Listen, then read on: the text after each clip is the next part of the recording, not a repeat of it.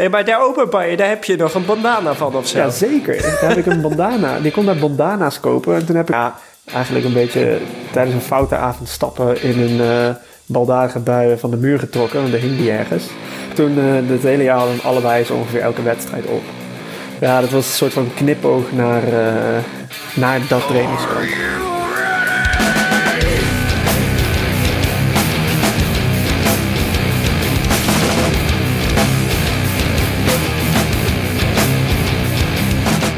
Okay, jongens, nummer 5. ja. ja, ik was op Mallorca, dus ik ben nog een beetje in de Spaanse... Ja, precies. Hoe was het eigenlijk? Ik heb je helemaal niet gesproken, man. Nee, het was, uh, was lekker. We hebben lekker weer gehad. En het was een, beetje een last minute voor mij. Het was een, uh, een uh, verjaardagscadeau van vriendin René. En dat is wel eigenlijk de betere vrouw, hè, die je gewoon een trainingskamp als verjaardagscadeau geven. Ja, of ze, zij heeft gedacht, we gaan een romantisch weekend weg en jij hebt er een trainingskamp van gemaakt. dat... ja, ja, zij dacht, te gaan chillen. Ik heb gewoon ja, uh, hele 400 kilometer gefietst. ja. ik, ik, ik, denk niet dat René jouw fiets in had gepakt. Nee, we hebben gehuurd, maar ze had wel de huur geregeld ook. Oké, oké, oké. Waar zat je? Ja, maar het was chill. We zaten uh, uh, vlak boven Alcudia. En uh, dat is het, uh, ja, gewoon uh, tussen de bergen in.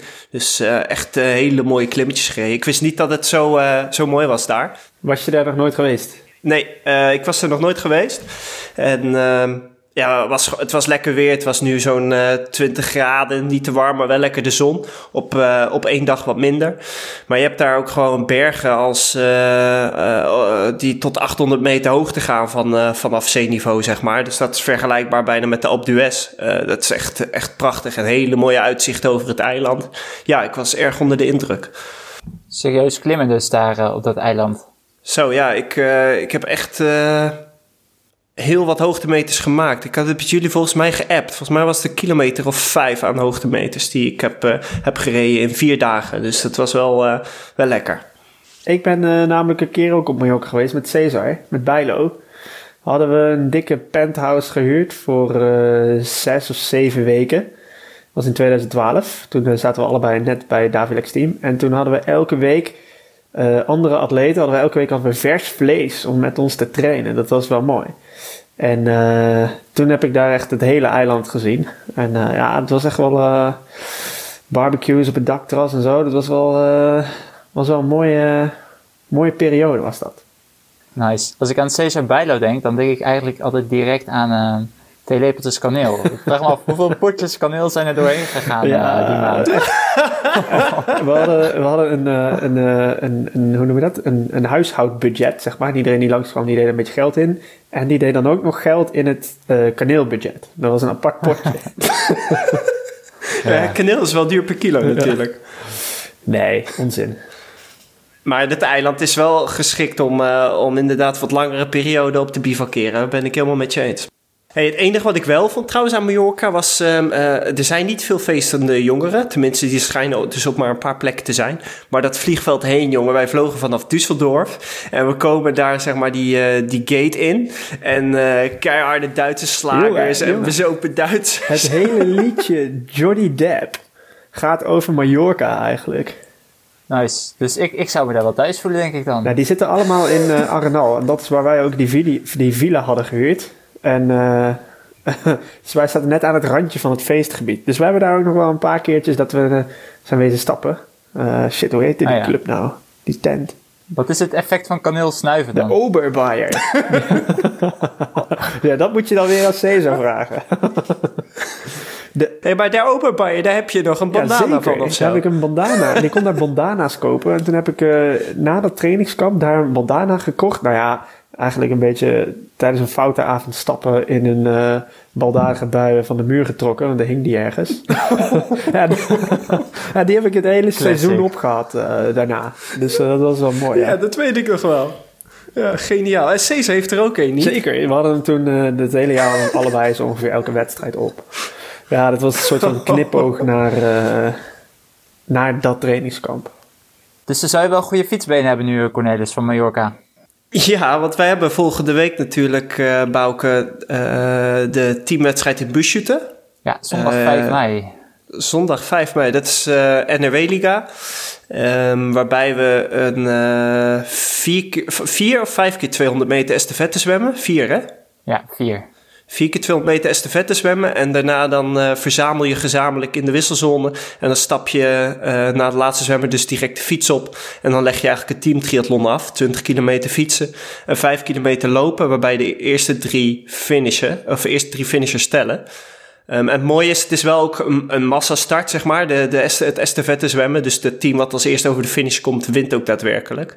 Ja, dat is wel spectaculair. En ik, ik ben wel blij dat ik mijn fietsbenen nog een beetje heb getraind. Want ik denk dat we aardig aan de bak moeten op de fiets. Ja, heb je daar eerder mee gedaan? Want ik vraag me af, uh, met 4 keer 200 meter zwemmen. Nou ja, iedereen die zwemt zo'n uh, 240, 230. Um, heel veel verschil kan er nooit gemaakt worden op 4 keer 200 meter, denk ik. Dus komt alles niet gewoon samen? Ja, ik ben daar een keer eerder gestart. En op zich, er wordt wel wat verschil gemaakt. Uh, er zijn jongens die zwemmen uh, een, een 200 meter in 2.10 of 2.5. En ik zwem hem als ik goed kan zwemmen in 2.30 of zo, denk ik.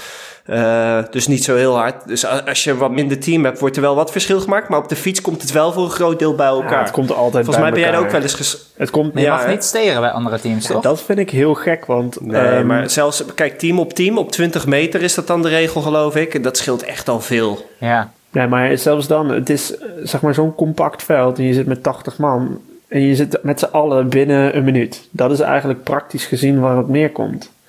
En dat kun, ik, ik vraag me af hoe ze dat gaan doen hoor. Ja, ik heb daar eerder mee gedaan en uh, uh, het ging op zich wel. Ik ook, maar toen mocht je dus gewoon, toen was het gewoon één groot peloton. Toen mocht je als team onderling ook steren. Ja, of het mocht niet, maar iedereen deed het gewoon. Het was gewoon één groot peloton. Ja, lachen. Ja, nou, ik weet dat wij een keer ook een teamtriathlon deden in Duitsland, Diederik. En dat was zwemmen gewoon in open water. Ja. En als je dan als team compleet was, dan mocht je gaan uh, fietsen. Ja, toen hebben wij volgens mij ook nog een penalty gehad. Uh, ja. Omdat we aan het steren waren. Ja, maar daar konden we echt niks aan nee, doen. Daar kon ook niks aan doen. En toen werd jij nog bijna onderuit gereden die motor ja. daarna. dat was levensgevaarlijk. Jezus. Ja. Ik weet ook nog dat ik heel lang in die wisselzone heb staan wachten op iemand. Ik weet niet meer zo goed wie dat was. Oh nee, ik was niet als laatste toen. Uh, niet eens. Ja, ik weet nog dat Diederik boos was na die wedstrijd op Bouke. Nee. Omdat hij uh, te lang heeft moeten wachten na het niet, zwemmen. Niet, ik was niet boos. Ik was, ik was wel verbaasd dat na het lopen... Toen hadden we echt... Uh, Brees zat helemaal stuk. Die kwam Zo, helemaal gesloopt over die finish. Dat- ja. En ik had een horloge om. En ik zei, nou, dat was 20 minuten op 5 kilometer. En jij geloofde me gewoon oprecht niet. Nee, ik geloof het nog steeds niet. Het was echt Nee, dat waar. kan niet. Jawel, het was echt waar. Hey, maar wij hebben dus, dus bushshooten en het wordt koud, hè, Bouke? Hoe ga je je daarop voorbereiden? Ja, nou ja, ik denk, uh, het is dus een estafette met zwemmen. En ik weet niet precies of het mag. Maar ik, als ik uit het water klim, dan ga ik me gewoon lekker afdrogen. En ik denk dat ik een uh, lange thermo onder mijn trisuit aandoe daarna. Dat mag, dat mag. Als je niet als laatst hoeft, dan... Uh, ik, ik ga ook kijken, ik had slecht tegen kou. Uh, dus uh, bij voorkeur uh, ga ik niet als laatst. En dan trek ik ook nog even wat Je moet aan, gewoon met Ja. ja. vier naast elkaar staan en de dikste gaat als laatst. Ja, op de weegschaal. ja, inwegen. hey, en uh, Diederik, voor jou uh, komt ook een spannende wedstrijd aan. Ja, ik ga uh, naar het uh, wereldkampioenschap in uh, Pontevedra, lange afstand. Dus dat is uh, drie zwemmen. Ik uh, las net dat het water 14 graden is, dus dat wordt lekker. Uh, daarna 113 fietsen, drie rondjes met vrij veel hoogtemeters. En dan uh, vier rondjes van 7,5 lopen, dus dat is 30 kilometer. Ik heb alleen één probleem. Um, ik heb alles geregeld. Ach, mijn fiets is al daar en uh, dat is allemaal goed. Ik heb accommodatie en zo. Chill. Alleen, ik kwam er dus gisteravond achter. Het is nu uh, woensdag en ik vlieg morgen. Um, dat het pak wat ik heb niet door de NTB is voorgelegd als geschikt wedstrijdpak bij de ITU. Dus dat betekent dat... Nee, um, ja, ja. Dat betekent dus eigenlijk dat voor de wedstrijd heb je een controle. En dan staat er iemand van de ITU, dus de Internationale Triathlon Unie, uh, jury dus. En die kijkt naar plaatjes in zijn boek, wat bij jouw land hoort. En dan kijkt hij of het pakje correspondeert met wat hij in zijn plakboek heeft staan.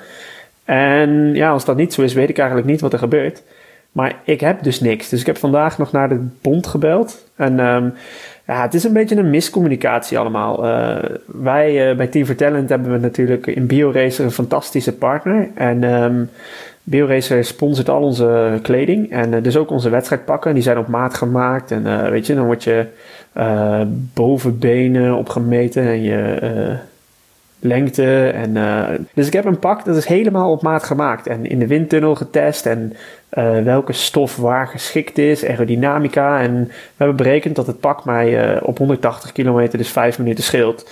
En toen zeiden ze bij de bond van ja, doe maar een fortepak aan. Ik zei ja, nee, ik ga geen fortepak aandoen. Uh, ik heb een contract met BioRacer en daarin staat dat ik BioRacer aan moet. En ik heb een pak op maat. Ja, uh, hoop gedoe natuurlijk. En uh, dat was een paar jaar geleden ook al zo. En toen was de conclusie dat we wel een eigen pak mochten laten maken. Ik dacht nu eigenlijk, dat wordt dezelfde conclusie. Maar dat duurde allemaal lang. En uiteindelijk was de conclusie inderdaad, ga maar een eigen pak laten maken. Maar toen was het bij BioRacer al te laat. Toen kregen ze dat niet meer op tijd af. En toen um, werd er vanuit de bond gezegd: als je nog een Kiwami-pak hebt, mag dat ook. En ik heb nog een Kiwami-pak van het WK van vier jaar geleden. Uh, maar dat is dus blijkbaar één model te oud. En daar kwam ik gisteren achter toen ik zelf dat plakboek uh, online tegenkwam. En ik dacht, nou, ik zal eens kijken. Maar ja, toen werd ik eigenlijk, ja, toen werd ik eigenlijk wel weer nog kwader. Want toen zag ik dat er wel andere landen waren. Die dus, mm, de NTB blijft zeggen, je mag maar twee ontwerpen indienen. Toen keek ik en toen zag ik landen en die hadden gewoon uh, nog meer ontwerpen ingediend. En die hadden ook een pak voor lange afstand met een rits aan de voorkant en lange mouwen. En eigenlijk ben je dus veel flexibeler dan de NTB denkt. Alleen, ja, voor mij is het allemaal te laat. En ik heb dus geen pak. En het kan ook, kon nog wel een. Uh, ik heb vandaag dus met de NTB gebeld. En die hebben dan wel meteen voor mij naar Forte gebeld. Alleen het topmodel hadden ze niet. En dan hadden ze nog wel een soort van. Ja, uh, instapmodel pak. En daar kon dan vandaag nog wel mijn naam op gedrukt worden. Maar dan moest ik allemaal zelf betalen. En er kwamen nog courierskosten bij vanuit Assen. Nee joh. Ja, joh. Ik dacht, ah, ik krijg maar de tering. Ik uh, ga gewoon. En uh, ik heb drie pakken mee. en ik zie wel wat er gebeurt. Ik, ja.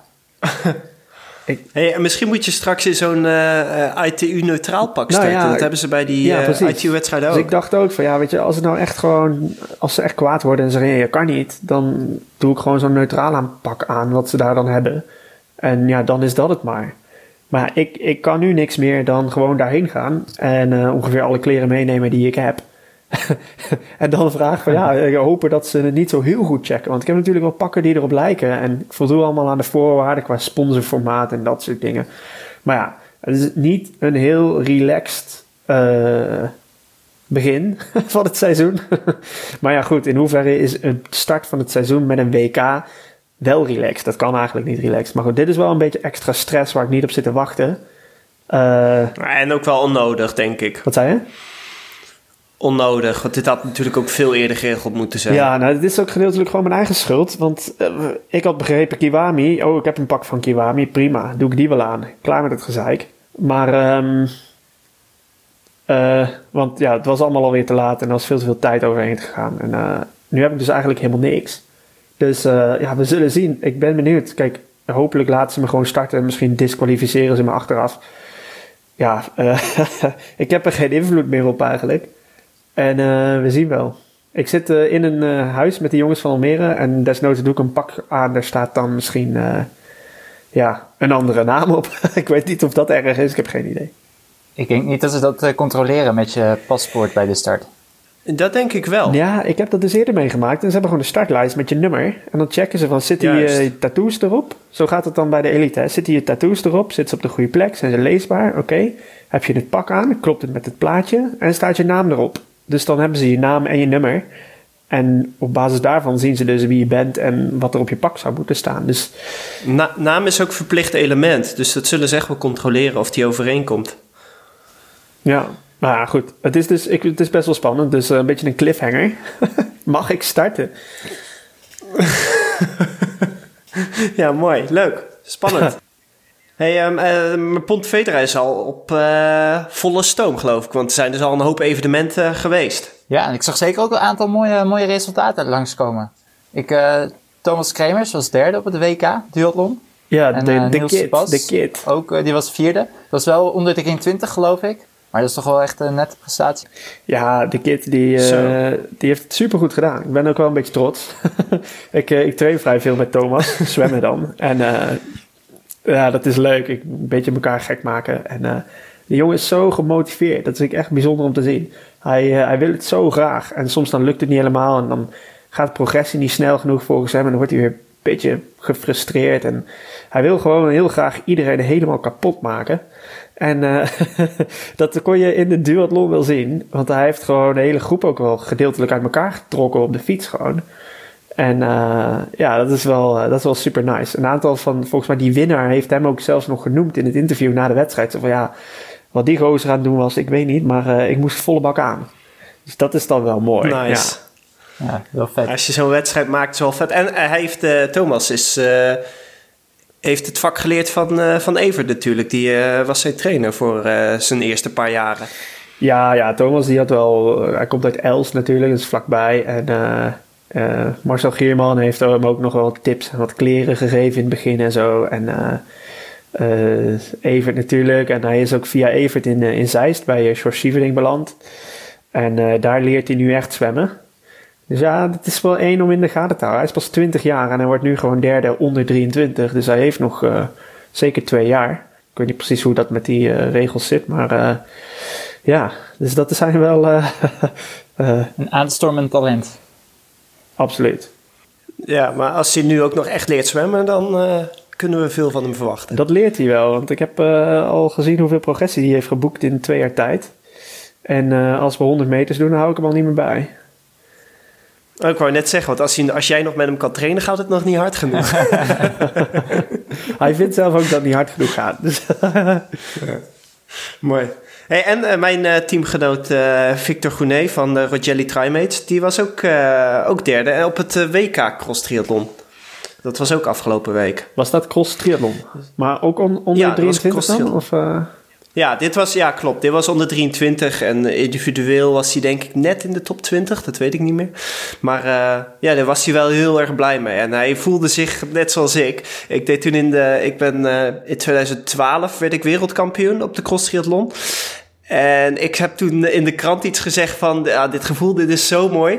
Dat kan ik iedereen aanraden om wereldkampioen te worden. dat weet ik nog wel, ja. Want uh, er stond een heel groot ja. stuk in een foto. En uh, er stond inderdaad bij zo'n quote van jou. Ik kan het iedereen aanraden om een keer wereldkampioen te worden. Ja, ja, maar ik, ik zag ook in, op triathlon in de artikelen en een interview van hem. Uh, hij was ook erg euforisch. Weet je. Ik kan me dat gevoel heel goed voorstellen. Hey, jij moest daarna toch naar het top. ziekenhuis? Nee, dat was het EK. Toen werd ik derde. Dat was het jaar daarvoor. Uh, EK Cross. En uh, toen was ik gevallen. En in die crash kwam een enkel uh, op mijn uh, tandwiel, op mijn voortandwiel. Een kettingblad. Om, ja, op mijn kettingblad. En um, dat, uh, dat was eigenlijk direct na de wisselzone. En dat had ik zo'n enorm gapend gat in mijn enkel. Uh, en die wedstrijd toen afgemaakt en inderdaad derde geworden. Maar toen kwam ik over de finish stortte ik in. Iedereen blij voor me. En iedereen dacht, heel waarom stort hij zo in? Toen de tuinslang op mijn enkel gezet. Die was helemaal zwart en bruin van alle modder en het zand. En toen kwam er zo'n gapende wond onder vandaan. toen... Oh. Toen heeft André Kwakenaap me met zijn auto naar de eerste hulp gebracht. Ik geloof dat hij toen drie boetes heeft opgelopen om mij nog op tijd terug te krijgen bij de prijsuitreiking. ik stapte toen, of ik hinkte toen die auto uit. Ik had toen inmiddels vijf hechtingen ja. gekregen. Had je niet ook krukken en, toen? Uh, nee, oh, geen krukken. krukken. Okay. Of wel? Ah, ja. Ik nee, weet ik niet meer. Maar toen uh, inderdaad hinkelend het podium op. En uh, uh, ja, dat was ook wel mooi. Met, ik weet nog dat je hebt zo'n zo filmpje online gezet van dat ze dat aan het hechten waren. En ik weet dat een hoop mensen dat niet echt... dat werd toen zeg maar gerapporteerd. ja, maar hij staat nog steeds op YouTube en heeft best wel wat views. Dan, in, de, in de show notes dan. Je link in de show notes. Ja, linkjes. Voor de liefhebbers. Ja, mooi. Mooi. Hey, over uh, cross gesproken. Ik uh, wilde me inschrijven voor dat cross ons gesprek van uh, vorige keer, onze podcast. Maar die inschrijving die lijkt nog niet open te zijn. Is die nog niet open, oh, gierig? Nee, dus nog even afwachten en dan snel inschrijven. Want ik weet dat een aantal van onze Duitse teamgenoten ook graag aan de start willen staan. Ja, die willen vast het parcours verkennen. Nou ja. ja, we zeggen tegen, tegen al die Duitsers van jongens, uh, het jaar erop is parcours, dus kom je even meten alvast. Kun je hetzelfde parcours, kun je dat NK doen. Ja. Dus dat wordt wel vet. We zeggen alleen de hele tijd, alleen als we ook frikandellen mogen eten. maar dat kunnen we regelen, ja, toch? Frikandel... Zeker, zeker, zeker. Ja, het wordt leuk. Oh, ja. ja, de AliExpress. Dingen voor een handbakkrant. Hey. Hey, maar jongens, ik raak wel een beetje zo langzamerhand door mijn objecten heen. hey, maar daar heb ik één tip. Gewoon meer bestellen. Ja, ik heb vandaag nog wat besteld en die komt later terug, dus ik zeg nog niet wat. Oeh. Ik heb al eerder gedacht om hem te noemen en nee, dat is niet de snelle planga. De telefoonhouder. Ja, de telefoonhouder. Je, je hebt het al hey, gehoord. serieus, je Ik rijdt heb, toch niet eh, met een is- telefoon op je fiets? Nee, ik, nee, ik zelf niet. Eh, maar René die heeft hem op Mallorca dus opgehad. En met een app die heet Bike GPX. Ehm, je kunt online een eh, GPX-bestandje downloaden. En als je geen dure Garmin hebt of, eh, of een ander apparaat, eh, eh, speciale slimme kilometerteller waar je routes op kunt bekijken, dan is je telefoon echt prima geschikt. Zij heeft de, de telefoon dus met die houder van AliExpress van 8,75 euro op de, eh, op de huurfiets gemonteerd. En daar de, eh, de route die we gingen rijden op gedaan. En dat was echt perfect. Je kunt de mooiste routes rijden zonder dat je constant je telefoon uit je zak hoeft te halen. Of dus een dure Garmin nodig hebt. Dus voor de mensen zonder Garmin is dit echt wel een goede tip. Oké. Het is alleen geen gezicht. Het is denk ik ook niet heel aerodynamisch. Nee, super frustrerend als je bergop rijdt en eh, je wordt ingehaald door iemand met een telefoon op je fiets. Oh, ik dacht je wordt gebeld. En eh Bouke, heb jij nog iets? Ja, ik heb iets besteld. Ik heb het ook al binnen, maar eigenlijk gebruik ik het helemaal nooit. Het is een, eh een ass-saver. Dus dat is eigenlijk een, een klein spatbordje wat je vast kunt maken onder je zadel van je fiets. Ja, van plastic. Ja, van plastic. En eh, nee, het is er vrij makkelijk op te zetten en eraf te halen. En nee, het, het scheelt dat je als je in de regen fietst, dat je fietsbroek en je zeem en je, je kont niet helemaal zwart wordt, niet helemaal nat wordt. Ja, Eh, met name als, er gewoon nog een beetje, als de weg gewoon nog een beetje nat is. Hè. Als het echt regent is het niet zo heel relaxed. Maar als de weg gewoon nog een klein beetje vochtig is, dan werkt dat heel goed, ja. Wer- werkt het echt? Ja, ik moet eerlijk zeggen dat ik hem nog niet eh, in de regen gebruikt heb. En Je eigenlijk ook niet... fietst eh, nooit in de regen. inderdaad. Ja, ik ook niet. Nee. dus eh, Oké. ik weet nog niet of het echt werkt. Nee, het- En wat heeft hij gekost? Hij kostte 1,79 euro. Geen geld. nice. Ik, ik, ik fiets niet in de regen, maar eh, misschien voor op de mountainbike ook wel handig. Of werkt het daar dan weer Ah, niet? heb je dikke banden, hij werkt minder, komt meer langs. Oké. Maar um, Nou, ik heb wel ik iets bedacht. Ik was mijn fiets aan het... eh, ik had hem weer helemaal... Of niet weer. Dat was dus een paar weken geleden. Dat ik mijn fiets helemaal... eh, ketting eraf, tandwielen eraf, derailleur eraf. en toen, eh, ja, gewoon eh, klassiek muziekje aan, rood wijntje erbij. Oh, nice. Aan de keukentafel. ja, en ehm, eh, toen ehm, wilde ik eh, mijn ehm, kettingbladen demonteren. Zodat ik ook gewoon die eventjes gewoon helemaal kon schoonmaken. Maar toen, eh, dat moet met de T25, Dorks 25. En die had ik natuurlijk niet. Ja, als bitje. Dus ik moet met mijn bit schroeven draaien. Dat was gedoe. Dus ik dacht, ja, ik koop meteen zo'n... eh, terwijl ik dus daar stond, heb ik met één hand mijn telefoon bediend. En gewoon echt zo'n degelijke T25 sleutel besteld. Voor 2 euro nog wat. En die was echt met een week ook. Dus toen had ik mijn fiets al wel weer in elkaar zitten, gelukkig. Ehm, En hoe groot dus, ja. was die?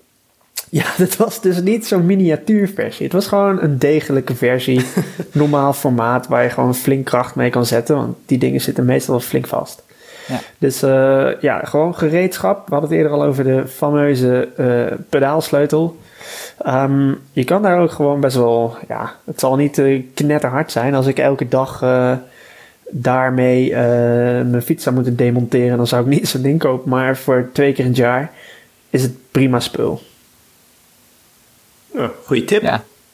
Oké, hey, en hebben we nog reacties op de podcast van de afgelopen weken? Want ik heb eh, sowieso nog wel een leuke reactie gehad, maar jij ook eentje, Bouke. Ehm, ja, ik zag op Facebook, eh kregen we een vraag ehm, van Edwin. En die vroeg, hebben jullie nog steeds wel dingen die je wijzigt in de aanpak van training of voeding? Ehm, maar waarbij je eh, merkt dat het onverwacht buitengewoon goed uitpakt. Ja, ik heb er wel iets over. Ik heb.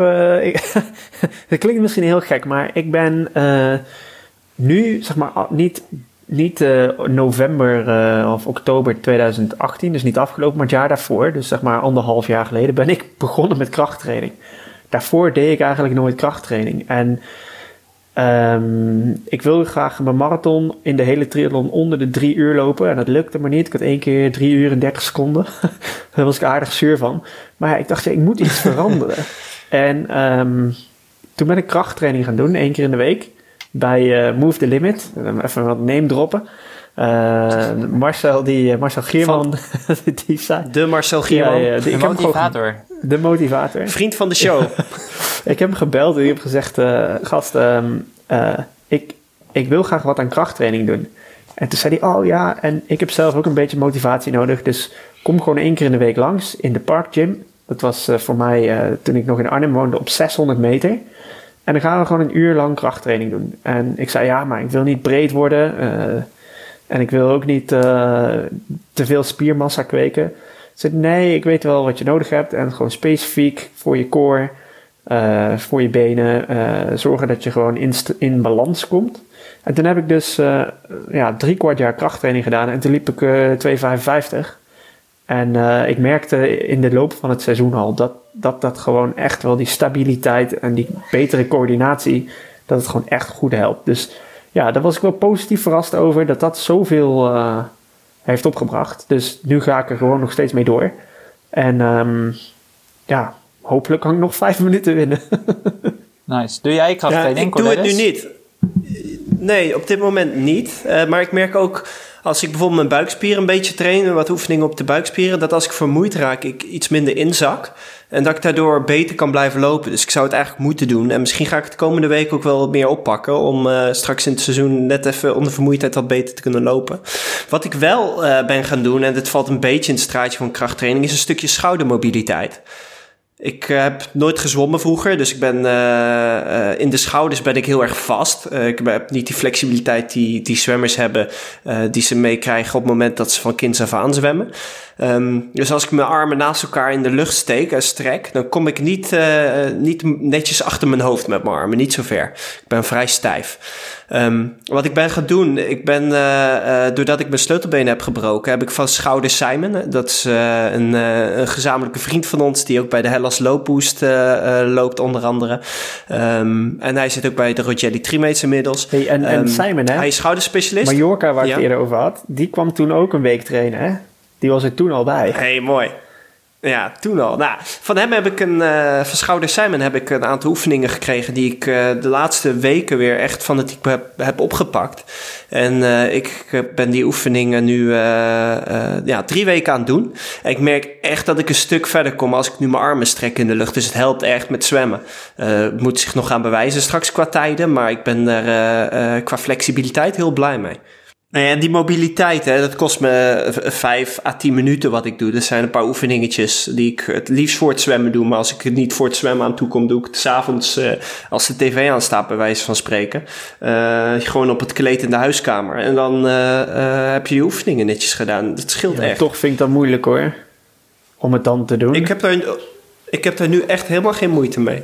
Ik snap wel wat je zegt, maar nu, nee. En misschien is het belangrijkste wat bij mij is veranderd uh, dat mijn scheen, uh, scheenblessures een beetje weg zijn. Oh ja, jij bent echt de, de enige shinsplint survivor van ons. Ja. ja. nog niet helemaal overleefd. Nee. Je hebt nog wel een beetje ja, de naweeën ervan. Te, vooral te intens train met lopen. Dan, uh, nee, dan gaat dat gewoon opspelen. Intens is intensief, ja. hard, snel. Precies, hoge snelheden. Dat heb ik vorig jaar eigenlijk gedaan. Dat is eigenlijk het tegenovergestelde dan wat Edwin vroeg. Vorig jaar heb ik een jaar best wel veel langzaam getraind, vooral met lopen, om, uh, om gewoon die impact te verkleinen op mijn scheenbeen. Um, dat is goed uitgepakt in de zin van dat ik uh, eigenlijk mijn, mijn klachten die zijn verdwenen. Um, ik, ik ben ook weer heel langzaam gaan opbouwen met wel weer intensief trainen. En nu uh, ben ik denk ik wel weer echt veel beter gaan lopen dan toen. En ik heb minder klachten.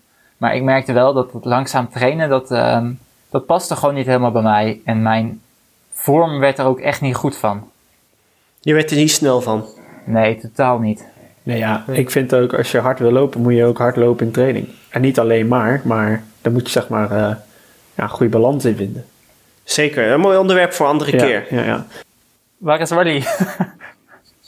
Nou, ik zou je vertellen, ik heb net, uh, uh, hij is weer terug. Ik ging vanmiddag, uh, vanavond bij, bij Pama eten. En Evert en Romy waren er ook. Ja, dat wist ik natuurlijk.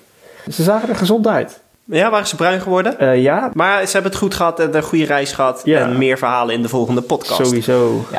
Ik heb nog één ding. Ik kreeg een berichtje op WhatsApp over de podcast van, eh, van Sander. En die zegt vandaag een gezellige metgezel op een gedeelte van de rit. En een foto van eh, Sander met eh, Bert Vlier erop. Hij zegt, ik heb de bril nog even gehoord. Oeh, Oei, hij heeft ook wel geluk hoor. Hij heeft echt wel die geluk. kan je van je bucketlist afschrapen. Hey, eh, ja, de volgende keer eh, met Wally. En dan hopelijk allemaal bij elkaar. Ja, en met resultaten ook. Met uitslagen. Uitslagen. Ja, leuk. Als ik mag starten. We gaan het zien. eh. Ja. Dat Spannend. is heel spannend. Moeten we nog even de handles Oh ja, de handles. Brace, Oh ja. wie ben je? Ik ben Ed B. Scheltinga op Instagram. Eh, en de Cornelis is Ed C. Scheltinga. Ja, en eh Diederik, ik ben eh Ed D. Scheldinga, dus eh, hou me in de gaten. Kijk of ik mag starten. Ja. Ja, en En subscribe. wij, vragen, ja, en wij vragen mention ons of eh, zoiets. ja, en, en Facebook schrijf een Messenger. reviewtje op iTunes of wat dan ook.